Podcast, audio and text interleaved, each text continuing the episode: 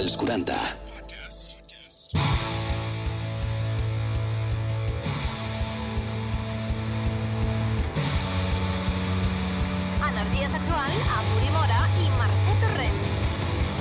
Bones una vegada més a Energia Sexual, aquest podcast dels 40. En el darrer programa i el primer vam parlar del concepte de l'energia sexual i avui parlarem d'un altre concepte que crec que tots ens encanta. Un concepte molt associat al sexe, però també al menjar, a les arts, als esports, en fi, a la vida i al més enllà. I és que avui parlarem del plaer. M'encanta, eh? M'encanta aquest concepte i Home. jo crec que avui tenim uns convidats que són experts en això i que ens ajudaran a aprofundir en aquest concepte i que ens expliquin també les seves experiències, que en aquest cas jo crec que en tenen també Hombre. moltíssimes i serà molt i molt interessant. I és que ells són una parella que han fet del plaer la seva professió. Ells són la Kim i el Paolo, però potser els coneixeu més com a My Sweet Apple, la parella que viatja pel món fent porno amateur. Muy buenas, molt bones tardes. Hola chicos. Hola, muy buenas. Com esteu? Muy, muy bien. Sexual. Doncs avui els tenim a distància. On esteu exactament ara? En Málaga. Nos mudamos hace una semana. Vosaltres heu viscut a Barcelona durant algun temps, no? Sí, dos años y medio. Fue la ciudad que más nos enamoró por ahora. De fet, ells eh, el català més o menys l'entenen, si hi ha alguna cosa que no, que no d'això ho repetim, no, Mercè? Home, si no sí, passa res. por favor. Perquè el sexe no entén d'idiomes. No, per per res del món, que, que, que està fet un poeta. Començarem per la primera pregunta, que crec que és la que tothom us vol fer. I uh, vosaltres us creieu experts en el món del plaer? Sou professionals del plaer? Profesionales sí, porque trabajamos de esto, pero cuando uno se refiere a expertos es como que es muy amplio, porque uno se puede volver experto de precisamente un placer, pero luego el placer evoluciona. Entonces, Pero tengo algo que decir también. Siento que sí somos expertos del placer, porque realmente somos gente que sabemos disfrutar de las cosas, vivimos en el momento y cada cosa que hacemos la hacemos con muchísimo placer. Sea sexo, sea comida, viajes, vivir la vida en general, siento que somos expertos. pero el, placer no, no se practica y uno no se vuelve profesional. eh, sin embargo, lo que hay que hacer con el placer es aceptarlo y a veces hay algunos tabú, tabúes que no te dejan eh, adentrarte en el placer. Y esas son las únicas trabas que tenemos los humanos, eh, porque no, no, no, no uno, uno no va a la universidad del placer. Simplemente hay que aceptarlos y dejarse llevar. Perquè escolteu una cosa, vosaltres que viviu això, no? que, que treballeu amb el plaer, pot ser que al cap de- d'uns anys, quan fas de la teva passió, o potser la teva professió, que us acabeu, entre cometes, avorrint de, del plaer, o en aquest sentit vosaltres seguiu com el primer dia gaudint del plaer com, el, com, com els que més, o no? Aquí vull intervenir. És com si t'agrada molt el gelat i, i moriràs eh, agranant, Clar, però agranant jo el tinc gelat, molts no? amics que de petits eren molt bons en el tennis i potser de tant jugar a tennis al final van acabar fins a, a avorrint el tennis i van dir, m'agrada molt el tennis però necessito una miqueta de descans en aquest sentit, no? Una mica que Bueno. el, el, el, el plaer, quan, quan es converteix en una feina, Sí. potser perd el punt aquest de, de, de lo especial. Per això els vull preguntar a ells Bueno, que, clar. que, que viuen d'això, no? En nuestro caso, nunca nos aburrimos porque evolucionamos todo el tiempo esa parte del placer. Aprendemos cosas nuevas, descubrimos cosas nuevas de nosotros mismos y estamos abiertos también a experimentar. Entonces eso es lo que hace que nunca nos aburrimos y nunca se convierte en algo mm, negativo para nosotros, al contrario. Claro, dando algunos ejemplos, a veces eh, sucede que nos pasa también a nosotros que uno tiene sexo y por ahí en ciertos momentos está cansado del sexo, pero sin embargo uno se masturba. Entonces el placer está, pero lo que no está es quizás la idea del placer. eh, entonces uno piensa que por ahí se aburrió, pero sin embargo lo que tiene que hacer es usarlo de otra manera o buscarle la vuelta. Hay que constantemente actualizarse como cualquier cosa. Y uno se puede aburrir de ciertos hábitos del placer, pero no del placer en sí. Eh, un ejemplo, como decías, del tenis, también, eh, no sé, a mí me gustan los videojuegos, a veces un juego y me aburro de un juego, pero no significa que me aburra de los videojuegos. Hay que buscar otro juego. Això que has dit, Paolo, abans, de que no has de tenir tabús per, per gaudir del plaer, perquè el plaer o, o es gaudeix o, o no es gaudeix. I no es pot tenir tabús ni prejudicis, vull dir, el plaer també és un instrument que t'ajuda a veure les teves pròpies limitacions. Exactamente. I, i, I mentre ho practiques, jo suposo que hi ha molta gent que no gaudeix, que no, que no gaudeix del plaer al 100%, per, per als tabús que té. Per exemple, m'agrada un tipus de sexe, però per vergonya no el practico. I, i mai podré experimentar un plaer, un altre tipus de plaer. Exactamente. Bueno, a nosotros nos pasó que nuestra relación, eh, siento que crecemos mucho en el nivel del placer y el sexo porque hablamos mucho, tratamos de experimentar, siempre como que estamos muy abiertos a cosas nuevas y bueno, eso es lo que nos hace siempre mantenernos disfrutando del placer en general. Clar. Aunque también agrego que a veces es bueno dejar una pequeña reserva de, de tabú y, y grabar, y guardar algunas cosas y no abrirse al mundo con eso, porque justamente esas pequeñas cosas son las que generan estar reservados y los fetiches. Y los fetiches luego se abren en nuevas puertas. Entonces, está bueno también a veces no, no expressar con tot el Bueno, 100% te- guapo. tenia, tenia els vostres propis secrets, no? Com a parella sentimental. Sou parella, diguem-ne, sexual i sentimental. I teniu els vostres propis secrets. No tenemos muchos secretos ya, pero Necesitamos bueno, claro. En el cas de que vosaltres que compartiu també aquesta relació sentimental, el plaer és algo que complementa una parella o qualsevol relació, ja sigui sentimental, eh, en qualsevol tipus de dos, de tres, de quatre. El plaer fa que s'uneixin molt més les persones quan compartiu aquest, eh, aquest, aquest estat de benestar o no? Sí, definitivamente. Nosotros, bueno, somos conocidos por disfrutar del sexo en general, pero hay un montón de placeres que nos unen y creo que eso es lo que nos hace una pareja tan fuerte, que nos gusta disfrutar de muchas cosas. Bueno, creo que nuestro segundo placer más grande es la comida, cocinar, salir a comer, conocer nuevos platos y culturas. Eh, así que sí, definitivamente, sea en una relación sentimental o amistosa, siempre eh, compartir placeres es lo que nos une, creo. I poseu-me un exemple de plaer en la vostra relació. Eh, a nosotros nos encanta mucho eh, vernos, que nos vean y cuando eso sucede es como que sentimos como que necesitamos testigos de todo, por eso también las cámaras. Y si bien es un fetiche, es, es justamente parte de nuestro placer porque el sexo en sí nos encanta, pero cuando sucede esto hace que el sexo sea mucho mejor. Entonces, a veces nos gusta estar con otras parejas, con, con otras personas, Ujú. porque nos da placer a nosotros vernos a nosotros mismos interactuando en ese entorno, no simplemente el hecho de que tener sexo con uno con el otro. Por eso nunca, si, nunca tenemos sexo con nadie por separado. Eh, viene por esa parte. De fet, una pregunta que hem fet als oients és què és el que els dona més plaer en el sexe? Si et sembla, escoltem alguna de les, eh, dels whatsapps que ens han enviat eh, els oients. WhatsApp 686 922 355. Una de les coses que em dóna més plaer és tindre sexe i veure a la cara de la meva parella com ho disfruta i sentir els sorolls que fa mentre té un orgasme. Els sorolls que fa.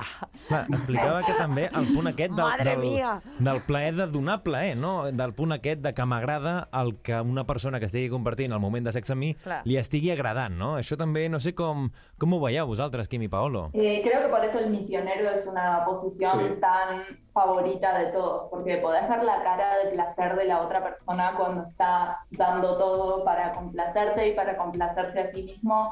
Y creo que es esa cara de placer la que te enamora de alguna forma. Ah, mira, el missionero, eh? M'ha agradat Sí, això de, sí. de, de parlar del missionero com a eh, posició clàssica en el món del sexe i útil i necessària. Sí, perquè molt cops es critica el missionero, Sí, però ah, sense sentit, no? sí, és molt típica. típic, sí, Exacte, no, és és, és molt avorrida, però és mentida, no? És- és una- és com Clar, clar, l'aigua, és com beure aigua. És, és potser quan surts de festa no Clar. et prens una aigua perquè és potser el més Clar. típic, Clar, fas però és alguna que guarrada. necessites. Clar, exacte. és veritat. És, mo- és molt típic. Bueno, és, és, és algo més íntim, no? Quan hi ha sentiments. Quan practiques el missionari ja vol dir que hi ha feelings. Veure els ulls, la, la, la sensació que té l'altra persona que t'està mirant als ulls. No? Ja és, és molt íntima, és veritat, eh? Ahà. Te podés besar.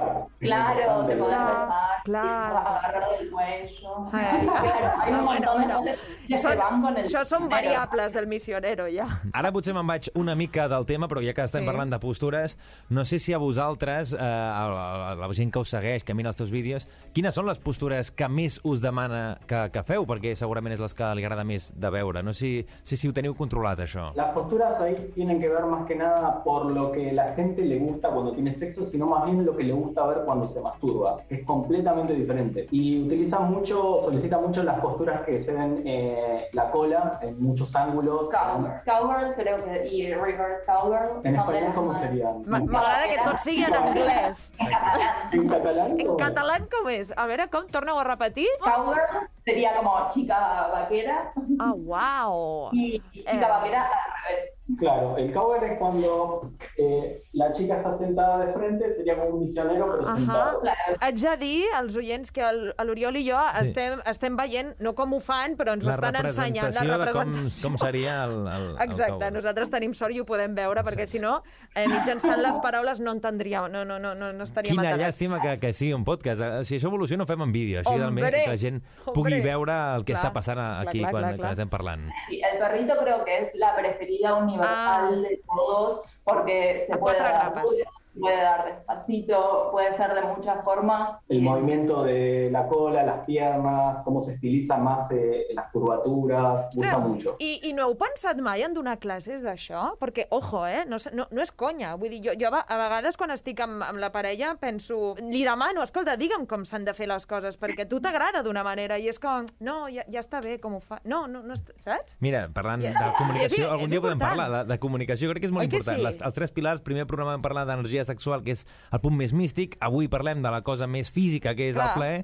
en el tercer parlarem, mira, de comunicació, del punt de, de, De la comunicació, de és de molt important. Amb, amb la gent. Es lo más importante. Sí, sí, eso es verdad, claro. Más que nada poder comunicar eh, la verdad de uno mismo, ¿no? Lo que a uno le gusta, lo que tiene ganas de hacer, porque muchas veces da vergüenza entre las parejas decir, me gustaría probar tal cosa, o esto no me gusta, o no Clar. sé. Lo básico, cuando preguntas si alguien se masturba, lo primero que dicen que es no, o no, nadie acepta eh, aceptar que se masturba y es algo muy real y creo que si ya esa respuesta es difícil, de, de lo contrario sería mucho más fácil y ya podrías hablar de una masturbación. Creo que sí, falta un poco más de tiempo y más de comunicación para que la gente empiece a, a librarse un poco de, de- de que el sexo es algo malo o negativo o Mm, un tabú. Parlant d'això, d'aquest tabú, sí que a vegades a, a molta gent els hi passa que no accepten coses que els hi donen el plaer. El tabú típic, potser, de, dels homes, que és a, el sexe anal, no? l'estimulació anal, que costa tant de reconèixer o de fins i tot provar-ho, no? coses que potser pel que diran o pel que poden pensar la gent doncs no ho acaben fent i és una font d'experimentar un, un plaer que pot sentir una persona i en aquest sentit encara hi ha molts tabús que jo crec que Hombre. s'haurien de, de trencar, no? Sí, porque el sexo hoy en día también sigue siendo muy machista, por eso también el cowgirl y que la chica se vea preciosa mientras tiene sexo y que, eh, no sé, que sus curvas sean perfectas. Sí. Y la verdad es que eso no es el sexo. El sexo debería poder ser totalmente oscura Todo. y que sea experimentación nada más, placer y tocarse y, no sé, em, escuchar. Més sensorial, no? Més que físic, sensorial, no? Sí, y que cada uno pueda abrirse un poco más a lo que realmente le gusta, porque, como te digo, el doggy style es el preferido, pero la verdad es que pienso que el hombre disfruta más del doggy style, y por eso es que se hizo tan popular. También eh, lo que tiene que la, la pornografía en general, eh, el consumo de pornografía es muy superior a nivel de hombres. Estamos hablando de casi el 98-99% de personas que miran son hombres. Entonces también uno a veces ve la pornografía y la juzga de que es, un poco machista, pero está un poco orientada también a- Claro. al consumo. Cuando uno busca el dinero, eh, a Sí. veces termina haciendo eso. No sé si vosaltres penseu això o creieu que s'ha d'acostar una miqueta més la pornografia a, a les dones, per això que dèieu, no? el 98% de la gent que consumeix pornografia són homes. Eh, no sé si vosaltres ho intenteu, això d'acostar als vostres vídeos perquè ho vegin cada cop més doncs, un públic més femení. Eh, por esto mismo es que nosotros empezamos a hacer porno, porque cuando em, empezamos a salir no encontrábamos ningún porno que nos caliente, la verdad, como pareja. Tal vez yo como mujer, él como hombre sí, pero como pareja no. Entonces lo que nosotros queríamos mostrar es cómo una pareja real tiene sexo y cómo puede ser divertido sin ser tan concentrado en el hombre y que hay diferentes formas de estimular a la mujer y de que nosotras podamos también sentirnos como, sentirnos como más protagonistas del sexo. Yo siento que el porno amateur es precisamente eso. Jo m'he adonat eh, bueno, que hi ha una directora que sí que obre una mica aquest món a una mica més femení, diguem-ne, que és Erika Last, que és una di- directora molt famosa i que grava bastant aquí a Barcelona, per cert, i que vaig veure porno del seu i com que em- em vaig sentir identificada perquè és un porno, potser el que, el que tu deies, eh, Paolo, i, bueno, i tu també, Quim, que és, és més eh, sensorial i no tan físic. Són gent guapa, eh, tenint sexe, però no, no grava la penetració. Grava el petó, grava el, com es toquen, grava... Bueno, com, com tu et sents identificat. I crec que és més, més desgraciadament, més femení. S'ha de trencar aquesta fatxada de hombre, urr, cabrío, saps? Erika Last hace porno ético y feminista. Nosotros trabajamos con ella ¿Ah, sí? Saludos a Erika. ¿Y qué tal? Sí. Y nos encantó, la verdad, porque, bueno, primero que nos deja ser muy libres porque sabe que somos pareja y que vamos a disfrutar lo Qué que bien. hagamos para ella.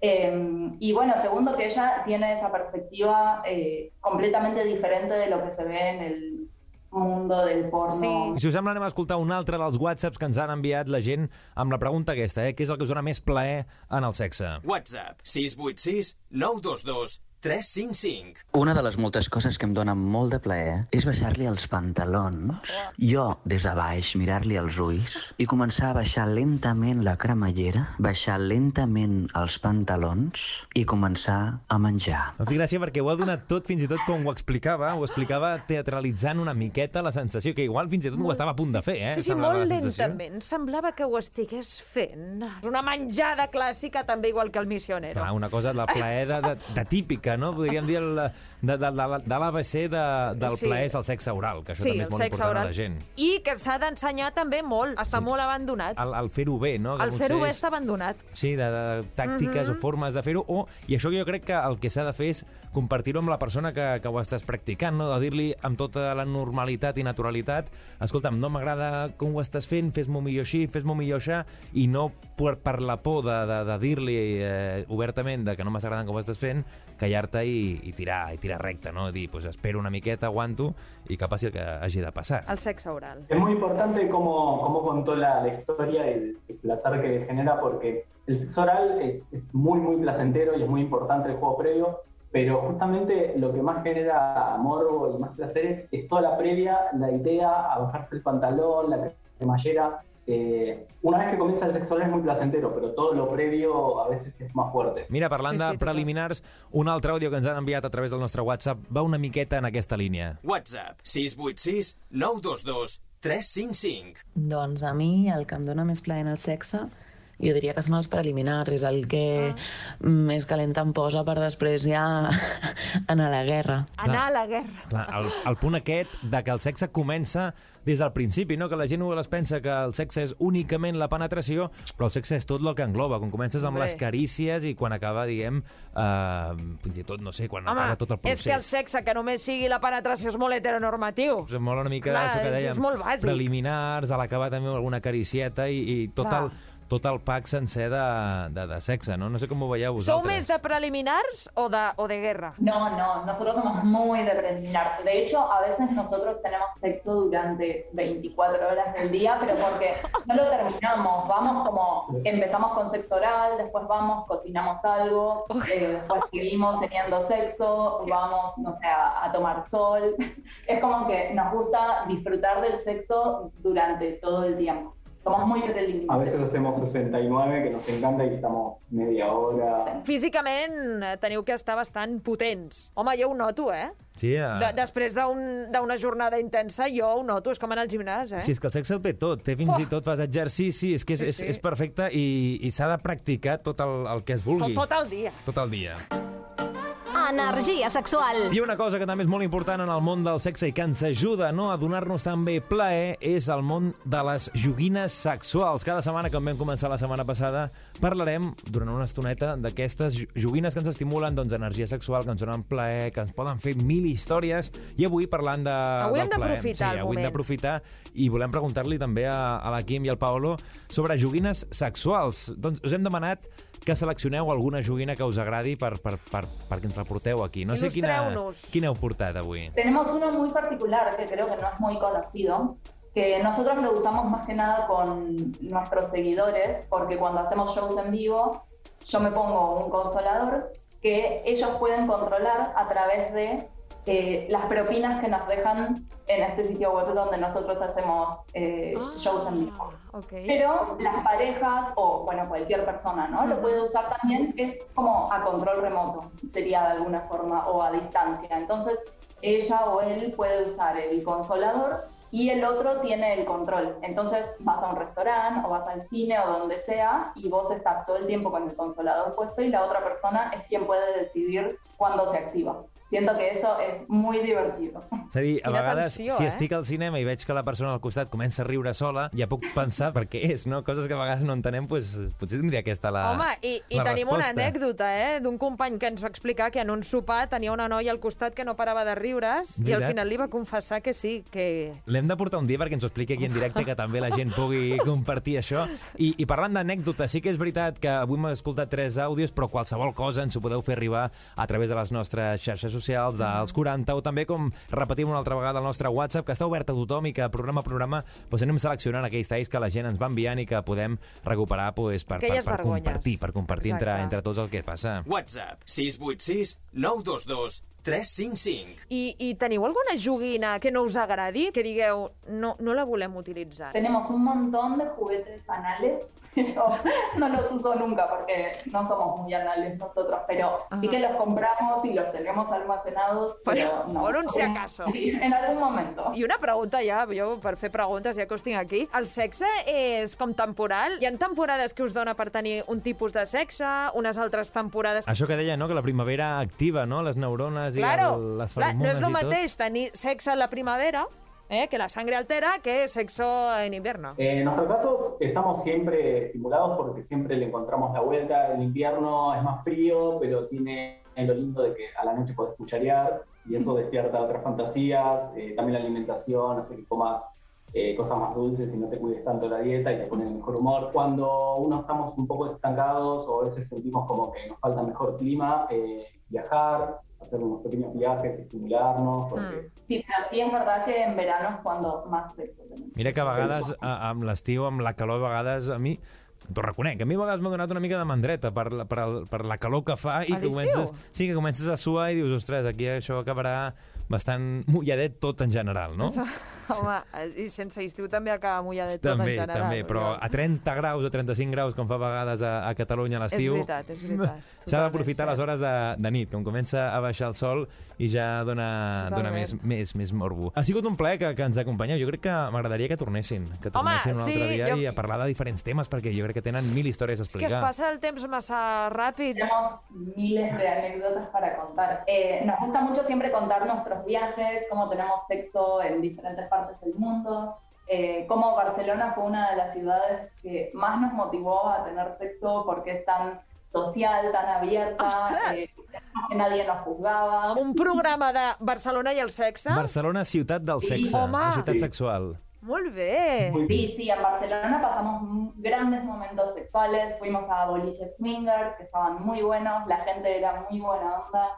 Así que sí, Barcelona y el sexo para nosotros son todos. I a més que hi ha moltes coses que, que es poden fer, segurament més en unes condicions normals, no? Clubs de swingers ara crec que estan tancats, Clar, ara les és- saunes sí. i tot. Ara mateix estan en una situació que, que, que, que costa potser més. Tornaran, això estem segur que Home, tornarà.